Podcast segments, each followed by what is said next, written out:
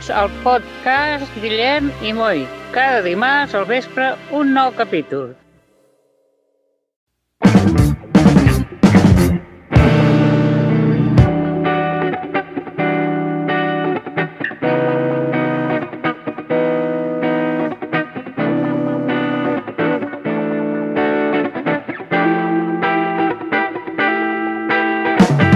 Benvinguts al nostre podcast, Guilla i Moi. Un dimarts més estem aquí amb en Guillem i ara en Guillem ens explicarà alguna cosa nova. Sí, avui tenim un convidat molt especial. Hola, Moi, per cert, que no t'he saludat. Moi, o hauria de dir Òscar Dalmau. Ara t'assembles menys, eh, però abans t'assemblaves molt a l'Òscar Dalmau. La gent no ho sap, això, qui no, qui no et conegui, però ets molt semblant, eh? Ara amb el cabell així més curt ja la cosa ha semblat més piqué. Sí, mira, ara que ho dius, sí. Sí que tens un aire al Piqué. Sí, sí, la barbeta aquesta rosa. Ets més ros tu que en Piqué, eh, de totes maneres. Sí, sí, però i més guapo. Més guapo. Sí, sí. Tens menys calés, també t'he de dir, eh? Sí, també. Bueno, eh, com t'anava dient, avui tenim un convidat molt especial, que és en Mauri, el nostre primer convidat estrella, que ens portarà una secció molt interessant que es diu... Eh, com es diu la secció, Mauri? Bueno, saluda. Hola amigos radio oyentes, bienvenidos a este podcast. Hoy va a subir el nivel gracias a mi colaboración. Me llamo Mauricio, los amigos me pueden llamar Mauri, así que Guille y Moy, llamarme Mauricio. Y hoy Vale. os traigo una sección que la va a petar. Se llama Tengo un amigo que... Ahí lo dejo, en breve nos vemos.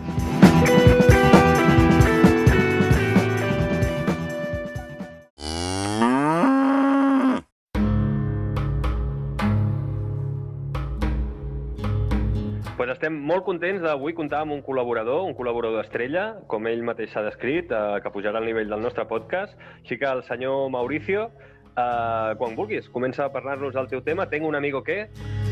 Hola majetes, tengo un amigo que... Primero, quiero puntualizar dos o tres cosas. Lo primero, Bondi Tarni a todos. Porque claro, esto cuando se oye, por la mañana, por la tarde, por la noche. Si lo oyes por la mañana y oyes buenas tardes, hostia, queda como que estás desplazado, como que han pasado de ti. No estaba yo por la mañana y llego tarde y esto. Entonces, claro, estaba pensando cómo saludar. Dices buenas noches, los de la mañana se ofenden. Y así, podemos estar así todo el día. Entonces digo, cojo Bon y el Di Tarni. Y dices, Bon Di Tarni están todos saludos. Pues buen día. Eso ya lo tenemos, ¿eh? Bon Di Tarni. Bondi Tarni. Bondi Tarni, Vale, sí, sí, me apunto. Me sumo, me sumo al Bondi Tarni. Me lo apunto, eh? Bon dia, Tarni. Ya veo camisetas, gorras, todo va a ser... Eso ya lo tenemos, el saludo. Luego, mi sección se va a tratar sobre cada vez habrá un personaje, que siempre será alguien conocido mío o familiar, pero claro, no puedo decir el nombre porque sería muy humillante. Entonces, cuando ocurren estas situaciones o te han pasado a ti y no quieres, no quieres contarlas, pues dices, hostia, yo tengo un amigo que, ¿no? Que una vez se fue a la cama con dos chicas y, y, se, y pegó un gatillazo. Bueno, espera, perdona, perdona, perdona. Si ets tu, jo diria jo. Saps què vull dir? si m'hagués Sí. passat a mi, jo no diria tengo un amigo, que jo diria a mi m'ha passat això. Sí, pero si has pegado un gatillazo. Ah, no, no, no, no, llavors has sido un amigo, clar, clar, clar. Claro, de eso, de eso, eso digo, porque además yo tengo una reputación y vivo de mi imagen y de mi voz. Yo no puedo jugármela contando cosas mías. Ja, ja. Bueno, entonces también quería, antes de meterme en el tema, que luego será muy breve, pero bueno, es el primer día, estamos partiendo el hielo. Yo quería, hay una cosa que no entiendo, esto de los episodios en el podcast, en el anchoa, en el Zoom y en todo esto que hacemos, ¿cómo se enumeran? Porque claro, esto es como la pandemia, fase cero. La fase cero ya era el episodio 1, el episodio 2 es el episodio 3. Yo llevo un lío, porque cada un amigo me dice, hostia, yo le digo, tenemos un podcast, escúchalo, ponte el primer episodio. Ah, el tío va a picar el 1, no va a picar el 0. Esto es como tiburón. Tiburón no era tiburón 0, era tiburón. Luego tiburón 2 y tiburón 3. No había tiburón 1. Y- imagínate, regreso al futuro 0. Hostias, no es el primero, es el 0. Pero Sí, sí, bueno, tendría que haber Star luego- Wars, Star Wars comença en el 5, no? Sí, no, pero el 4. por el culo te la En el hinco, 4. pero luego. pero luego vuelve a un orden. Eh, Eso, que, lo hagas, de- tú puedes empezar por el 100 y hacemos los episodios para atrás, que también estaría bien. Bienvenidos al episodio 1000 de, de Guille y atrás. Moy. Y hostia, nos vamos tirando para atrás y si llegamos a 1000, menos uno, menos dos, menos tres. Yo estoy de acuerdo, que- pero, pero Mauri, hay, hay una cosa que se llama un teaser y lo que hicimos en el cero es un teaser, que es un- una mini película Ya, previa de, de la No me historia. cuentes teasers, ni twisters, ni cosas raras. Ahí pone episodio cero. Cero. Uh. Entonces, es un lío. Bueno, yo lo dejo ahí. Vale, Y ya lo del, y otra cosa que quería comentar, hoy vengo plan positivo, ¿eh? Para ser el primer día. He, he buscado todos los fallos, tío, porque quiero que esto sea perfecto. O sea, quiero que lo pulamos para que esto sea, vamos, niquelado. El premio Ondas ya huele. Ya huele a Ondas aquí también. ha sido mi perro, no es el Ondas, no. Bueno, entonces, hay otra cosa que quería comentar. Muy bien lo del título, muy bien que vaya el Guille primero, porque lo entiendo, es más carismático, con ese estilo así rapero y todo lo que él tiene, con su personalidad. Entiendo que es la, será la imagen del programa en un futuro, lógicamente. Sí. Pero, ¿cuántas parejas hay que tengan programas que pongan sus nombres? Dime alguna. Eh, Mm. Buenafuente y Berto es el Nadie sabe nada. Lucy y Raya no ponían ni sus nombres. Los morancos no ponen ni sus nombres. Nadie pone sus nombres. Hostia, lo veo como una cosa que hemos retrocedido en el o tiempo. estamos, inno- o estamos innovando, si no lo ha hecho nadie. No, yo creo que bueno, el, el humor ha evolucionado. el... Pero claro, Guilla y Moy te limita a que cuando esto pete y la gente diga, hostia, que salga Mauri cada día y que se vaya el Guillem, que no me hace ni puta gracia, o que se vaya el Moy, que estoy hasta los cojones de. Pues que eso pasará, a subirlo, ya llegará, pero no os preocupéis. Claro, ya tienes que volver a cambiar el nombre, ya la gente no sabe lo que ve, no sé, hay que. Veo ahí lagunas, veo lagunas para un futuro marketing. Lo valoraremos, lo valoraremos por, por nuestra parte. No, no, yo lo que voy es, a- me voy a quedar la franquicia con el tiempo, porque os vayáis preparando y esto, y trabajaréis para mí, no pasa nada, hay buen rollo. Bueno, y después de todas estas cosas que ayudarán a pulir el programa, voy a, voy a, a- a empezar con el propósito de mi sección. La sección, como ya hemos dicho, se llama Tengo un amigo. Bueno, pues yo tengo un amigo que es un negado cuando coge el transporte público. Es una cosa que siempre le pasa algo. Y voy a poner un par de ejemplos y luego si queréis, pues vosotros si tenéis alguna más, os la guardáis porque es mi sección y aquí calladito. ¿Vale? Bueno, yo cuento, yo tengo un amigo que una vez, a una edad muy temprana, pues sus padres decidieron que ya podía coger el cercanías e irse de una ciudad a otra, pues a hacer un, tenía que ir a jugar a fútbol o a visitar a un pariente o lo que sea, que podía coger el, des- el tren destino Barcelona a Sabadell. Tendría unos 12 años, estaba tope ilusionado, su primer viaje, se coge su mochila, se va al andén y lee tren destino Ripoll para en todas las estaciones.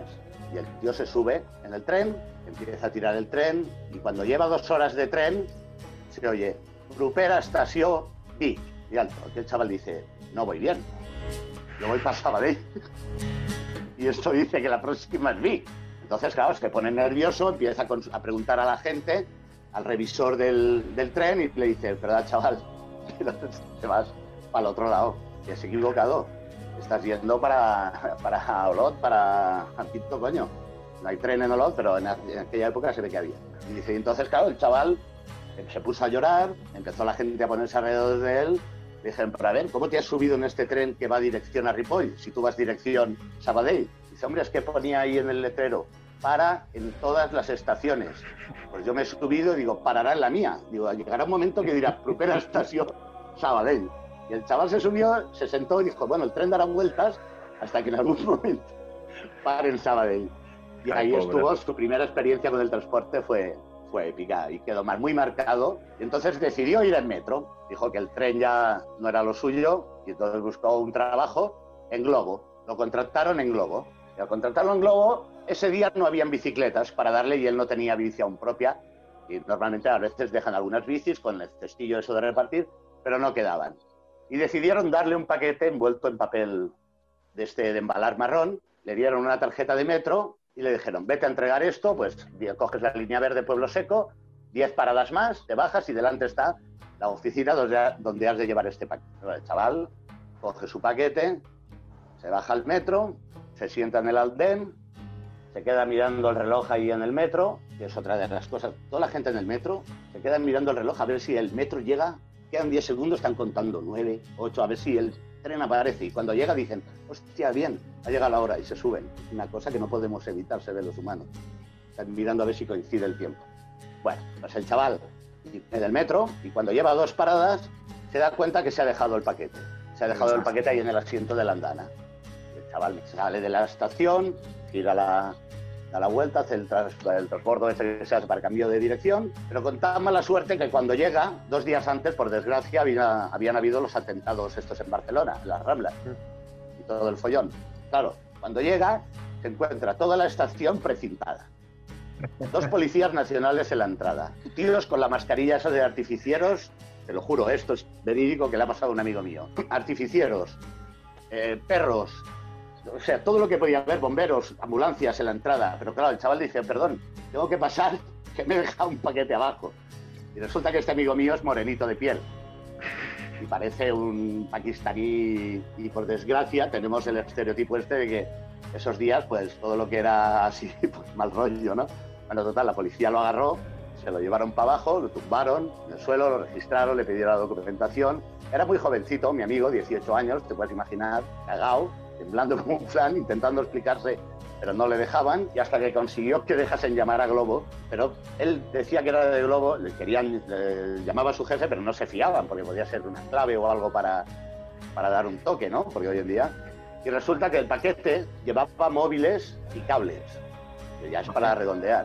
Y se había roto por una esquina. Por, sí, sí. Sea, si lo haces a propósito no te sale. Se había roto por una esquina. Se veían los números del teclado y un cable.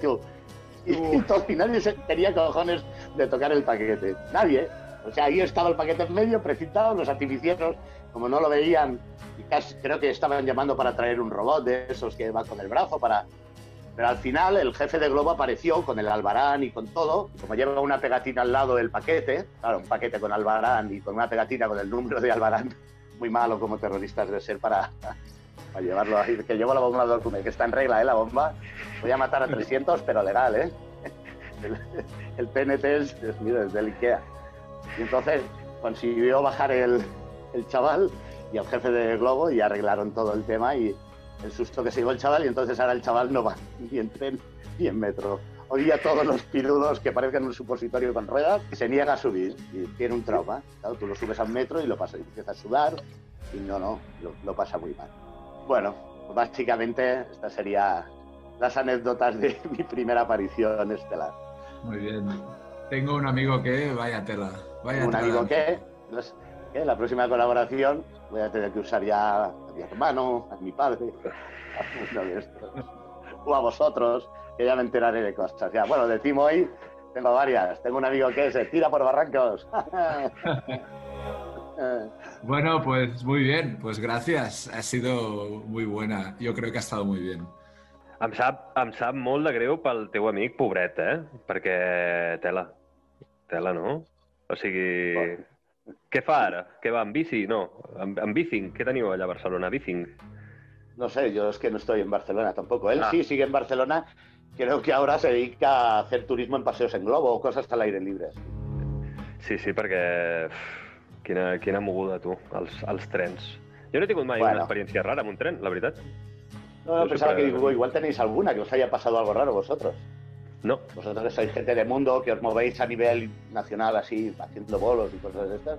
el més, el més estrany que em va passar amb un tren va ser que a Àustria vaig pujar-me un tren i em vaig ficar un vagó que era per monges. Sí, sí, t'ho juro. I clar, i em va...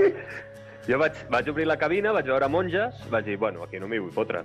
Vaig anar al següent, també hi havia monges, i, bueno, i ja vaig deduir que aquell vagó era de monges. I sí, sí, va venir el revisor i em va cridar en alemany alguna cosa i em va cardar fora i em va posar al meu, al meu puesto. Però és el més estrany que m'ha passat amb un tren. Jo he tingut aquella anècdota típica de- d'escola, de, anem amb tren, perquè anàvem amb tren a una casa de colònies que tenia parada de tren, arribem allà, no us deixeu res, i, evidentment, hosti, es van deixar alguna cosa, i quan es va donar compte el tren ja havia marxat, però aquell mateix tren anava fins a on havia d'arribar i tornava. I em van dir, si t'esperes aquí, uh, tres, tres hores i mitja, tornarà. I es va, es va posar a nevar, a nevar i a ploure i ventisca tot alhora, i vaig estar tres hores i mitja, va arribar el tren i no hi havia res, no hi era. El mar lo devuelve todo, el tren no.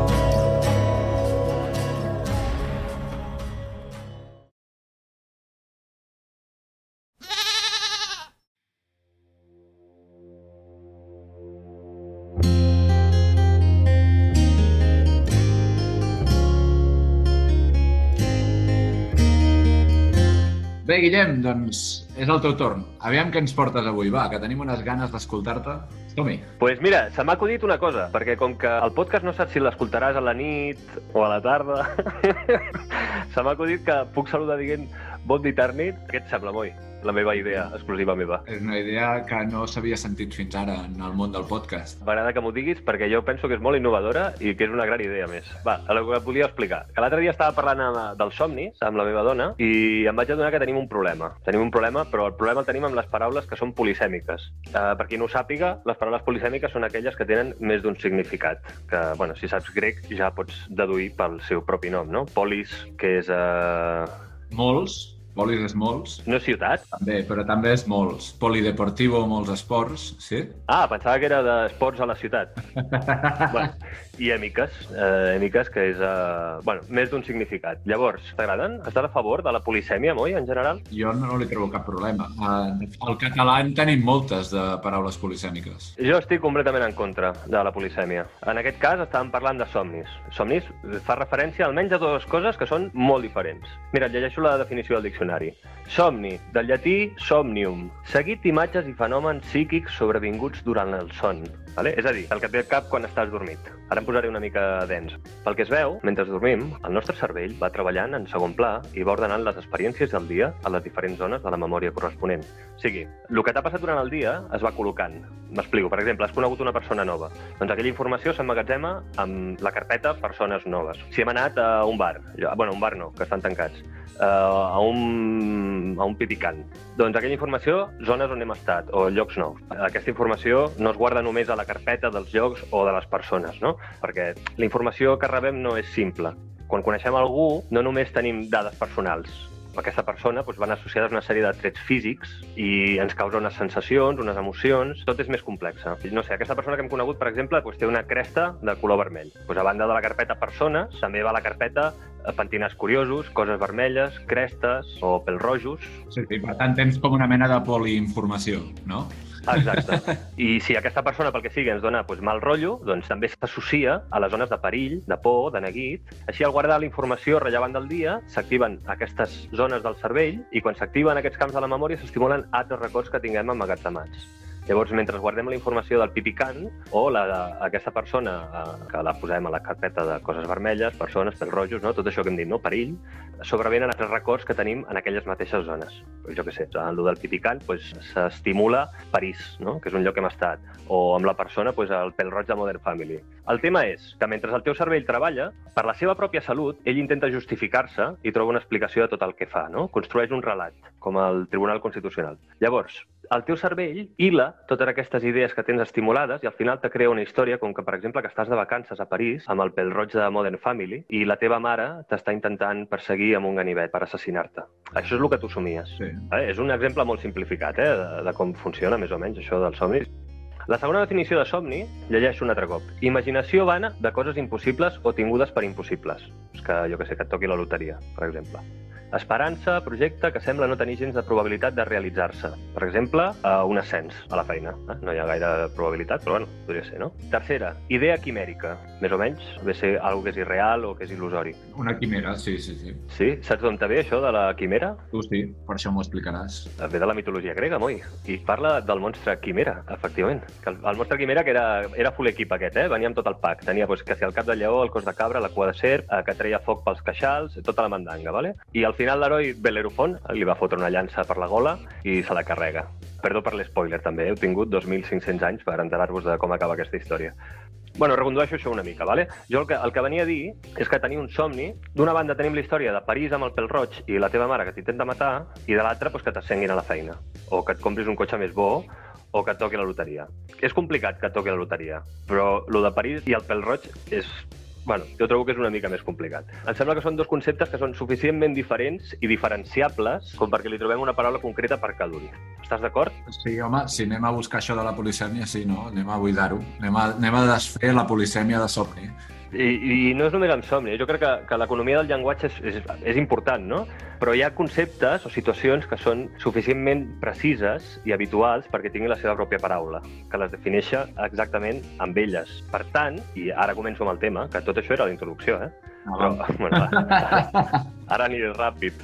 Avui us porto una sèrie de paraules creades per explicar situacions concretes que hi ha a altres idiomes i que no tenen un equivalent en català. Vale? Són situacions i conceptes tan habituals, bueno, són molt comuns en els països d'origen d'aquests idiomes, són suficientment comuns com perquè tinguin una paraula pròpia per definir-los. Començo amb l'alemany, que és un clàssic de les paraules sense traducció. La primera paraula que porto és Fernweh no sé pronunciar-ho. Vale. Vol dir nostàlgia d'un lloc en el que no has estat mai. En això són molt especialistes els japonesos, eh? que tenen una paraula que, va, que vol dir mil coses. Segur que me'n dius alguna avui. Sí, te'n diré unes quantes pues el Fairback d'aquest és nostàlgia d'un lloc en el que no has estat mai, que és com un, bueno, com un déjà vu, no? Un déjà, déjà vu, no sé com es pronuncia. També és una paraula sense traducció, no? Déjà vu. És una mica algo així, però diferent, perquè, clar, el déjà vu és tenir la sensació que ja has estat a un lloc, no? Això és trobar faltar un lloc on no has estat. És una cosa molt estranya, no? Però és, hi ha molta gent que li passa això, que tenen una ciutat fetitxe, eh, no sé, li passa a molta gent a Nova York, per exemple, no? Que tenen com aquell anel de tornar-hi, però no hi han estat mai. Bueno, és molt complex, això. Passo una altra paraula, va. Uh, Schilderwald. Schilderwald, que vol dir Schilder, senyals, i Wald, que és bosc. Això és un carrer que té tants cartells i tants senyals que et perds. Vale, perfecte. O sigui, és una, una hiperinformació, vaja.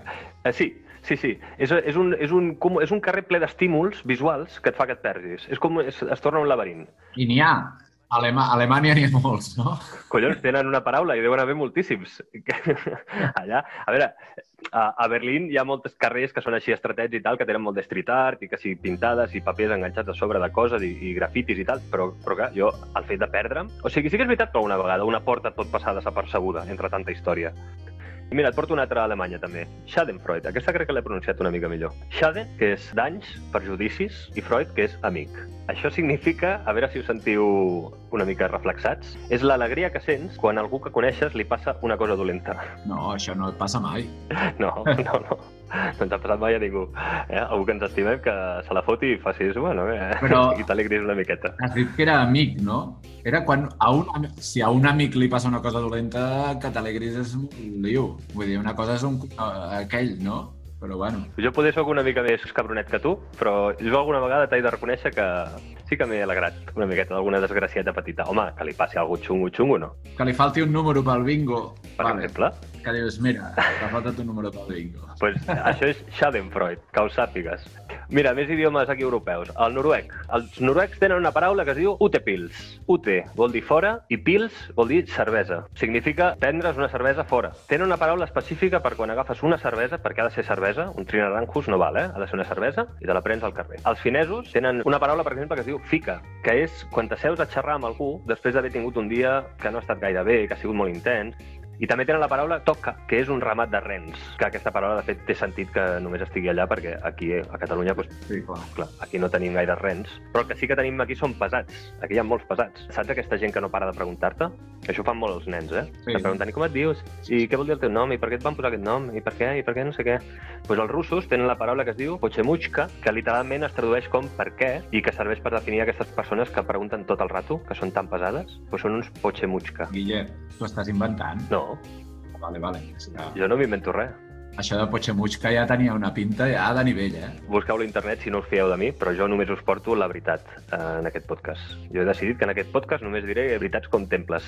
Una altra paraula, per un altre tipus de persona, és la paraula gatara, que és italiana i serveix per definir aquestes iaies que viuen, són solitàries i tenen gats, viuen acariciant gats. La loca de los gatos. Exacte, la loca de los gatos. Pues és una paraula italiana que es diu gatara, que vol dir senyora gat, o alguna així, es pot traduir com alguna així. Molt bé. Què més? I hi ha algunes paraules de, d'altres idiomes molt minoritaris que m'agraden molt. Per exemple, hi ha la paraula Itzuarpok. I Itzuarpok és una paraula uh, inuit, dels inuits, dels esquimals de tota la vida, sí. que no es poden dir esquimals ara. Pues és la frustració que sents quan esperes que vingui algú i que no, i no apareix. Home, és quan estàs esperant ah, algú. Si estan allà dalt, evidentment la gent no ve. O sigui, ha de ser la millor paraula. No, home, però un altre, un altre esquimal. Has quedat amb un altre esquimal per, no sé, fer coses d'esquimals. Sí, però clar, Té un iglú... se't pot trencar el gel pel mig, et pot venir un os polar... És que tenen mil històries per la, perquè no puguin arribar. Però tu no et passa que tu quedes a plaça Catalunya amb algú i triga molt, i després t'arriba i et diu no, és que m'he liat, milongues d'aquestes. I jo dic, quin its porcat, no? No sé com si quin it's, it's poc. It's poc. Hi ha una paraula que m'encanta, que és de l'idioma pascuense, que és tingo i és robar les pertinences eh, d'un veí teu fent servir la tècnica de demanar-li i no tornant-li mai. O sigui, li fas un Homer Simpson. Saps el que li fa el Homer al Flanders? Sí. Per això és tingo. És tan habitual a la illa de Pasqua, suposo, l'idioma pasquense deu ser d'allà, no? És tan habitual que això passi no, Pasquense no pot ser de la illa de Pasqua. No, no crec que sigui. Això sí que t'has inventat. Això m'ho he inventat, clarament. És que, clar, Pasquense a mi em sona a l'illa de Pasqua.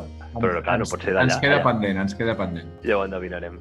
Bueno, per acabar et portava un, un grup de paraules japoneses, com tu bé has dit abans, perquè realment eh, els japonesos bueno, tenen paraules hiperespecífiques. Tenim paraules xungues, malauradament, com hikikomori, que és aquesta gent que, que literalment és com aïllament social, no? que són normalment homes joves que no volen sortir de casa, que se tanquen en una habitació de casa i d'allà no surts, no volen que entri ningú tampoc, i moltes vegades causat per les kyoi kumama, un altre concepte que no té traducció, que són les mares que pressionen molt els fills perquè tinguin èxits acadèmics. Uh, hi ha altres paraules que parlen pues, bueno, pels seus costums, no? per, la, per la seva manera de ser, per la cultura en general, no? que creen aquestes idees, aquests conceptes que són difícilment transferibles a altres cultures. Uh, hi ha la paraula, per exemple, wabi-sabi. Wabi és demanar perdó i sabi és òxid. Què diries que vol dir wabi-sabi?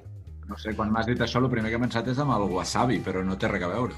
Fa referència a l'acceptació del cicle natural de la vida, de creixement, de cadència i mort. És, és, molt, és molt oriental, això, eh, si ho penses. Sí, bueno, Però bé, hi ha, hi ha paraules més agradables, també, eh? com la paraula komorebi, que descriu un raig de llum que es filtra pel fullatge dels arbres o altres elements vegetals. Saps eh, quan vas pel bosc? Bueno, tu quan vas pel bosc has d'anar mirant el terra, perquè, bueno, Cuidao, si no, si no caic. Sí, sí. si no caus, eh? Quan anàvem pels boscos, eh, abans que ens tanquessin a casa, i es filtren aquests rajos de llum, no? Eh, doncs això és el komorebi, que és una imatge molt, molt bonica, no? Jo el Komorebi el vaig veure, el vaig veure ahir, quan era a terra, perquè ahir vaig caure i el Komorebi va passar entre les branques de la- l'arbre que em vaig menjar i, uf, Déu-n'hi-do, Sí. quin Komorebi més maco. És molt poètic, és una imatge molt... Hi ha molta gent que em fa fotografies d'això, només d'això. O sigui, es dediquen a Sí. fer fotos d'això, de sí, Komorebis. A mi les paraules de totes maneres que més m'agraden són les de cachondeo i et porto un top 3, Moi, ja saps què et toca fer. Comencem, comencem amb una força coneguda. Amb el número 3, Chindogu. El número 3 és per Chindogu. Saps què és un Chindogu? Ho sé, és d'aquelles coses que no serveixen de res, em sembla. Són invents, Sí. sí, bé, molt bé, són aquells invents que se suposa que són perfectes i que solucionen un problema particular, molt particular, Però no porten però que a enlloc. l'hora de la veritat causen més molèsties del problema que solucionen. Sí, pels que no conegueu els Chindogus, Jo en tinc un, te'l puc explicar? sí, explica'm el teu Chindogu, sisplau. Mira, el vaig, a més el vaig comprar a l'AliExpress, per tant és un xindogu, però de...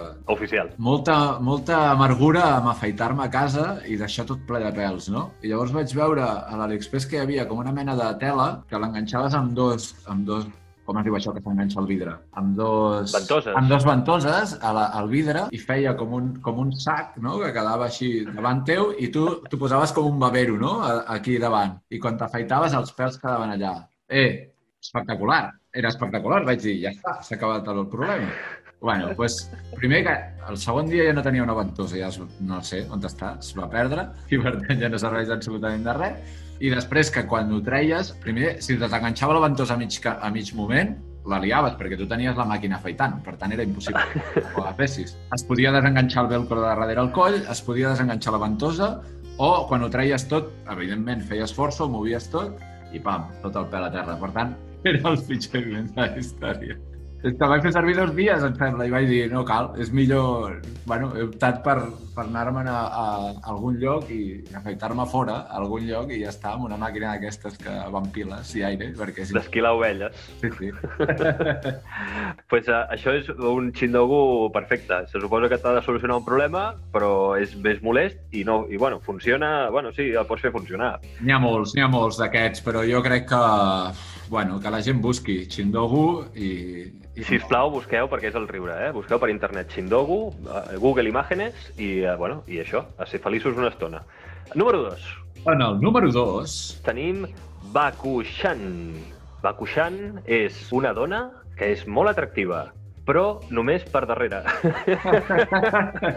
és una dona que és despampanant, però quan, quan es gira dius mm, I No, existeix la versió de, de noi? Un noi que és molt atractiu per darrere? mm, no crec. Sé, tens uns deures, No crec. tens uns deures, aviam si existeix això. Però aquesta situació ens ha passat a tots també una mica, eh? Que t'apropes a la barra de la discoteca i dius, caram, ui, què tenim aquí? I després mires així dissimuladament, et col·loques així una mica al costat, no? Mires dissimuladament i fas, hòstia. I després encara dissimules més. Quan es gira... ah, necessitava una altra cosa, no? El que sigui. T'he confós, t'he confós amb, amb una dona més atractiva. Bueno, i a la primera posició, En primera posició... aquesta és la que més m'agrada de totes, eh? Hauria- Aquesta paraula l'hauríem de tenir, jo crec, en, bueno, en català, en castellà, en francès, en tots els idiomes, que és agiotori. Agiotori, una combinació de paraules agui, aixecar, i otori és engany, no? Són dues paraules, està bé. I que és quan surts de la perruqueria i estàs pitjor que abans d'haver entrat.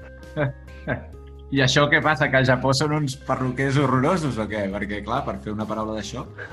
Bueno, la sensació aquella de, de quan et diuen t'agrada i et posen el mirall a darrere, que jo els dic, deixa, és igual, és igual. O sigui, si no m'agrada, ja està fet. És que no, no hi ha cap solució. Sí, sí. A més, el meu cogote només me'l veig aquí. Ja. Jo això ho he pensat totes les vegades. El meu coll només me'l veig a la perruqueria. M'és igual si està bé. Doncs pues, agiotori. Jo crec que aquesta paraula, com a mínim aquesta, de totes les que he dit, aquesta l'hauríem d'adoptar. Molt bé, doncs pues l'adoptarem.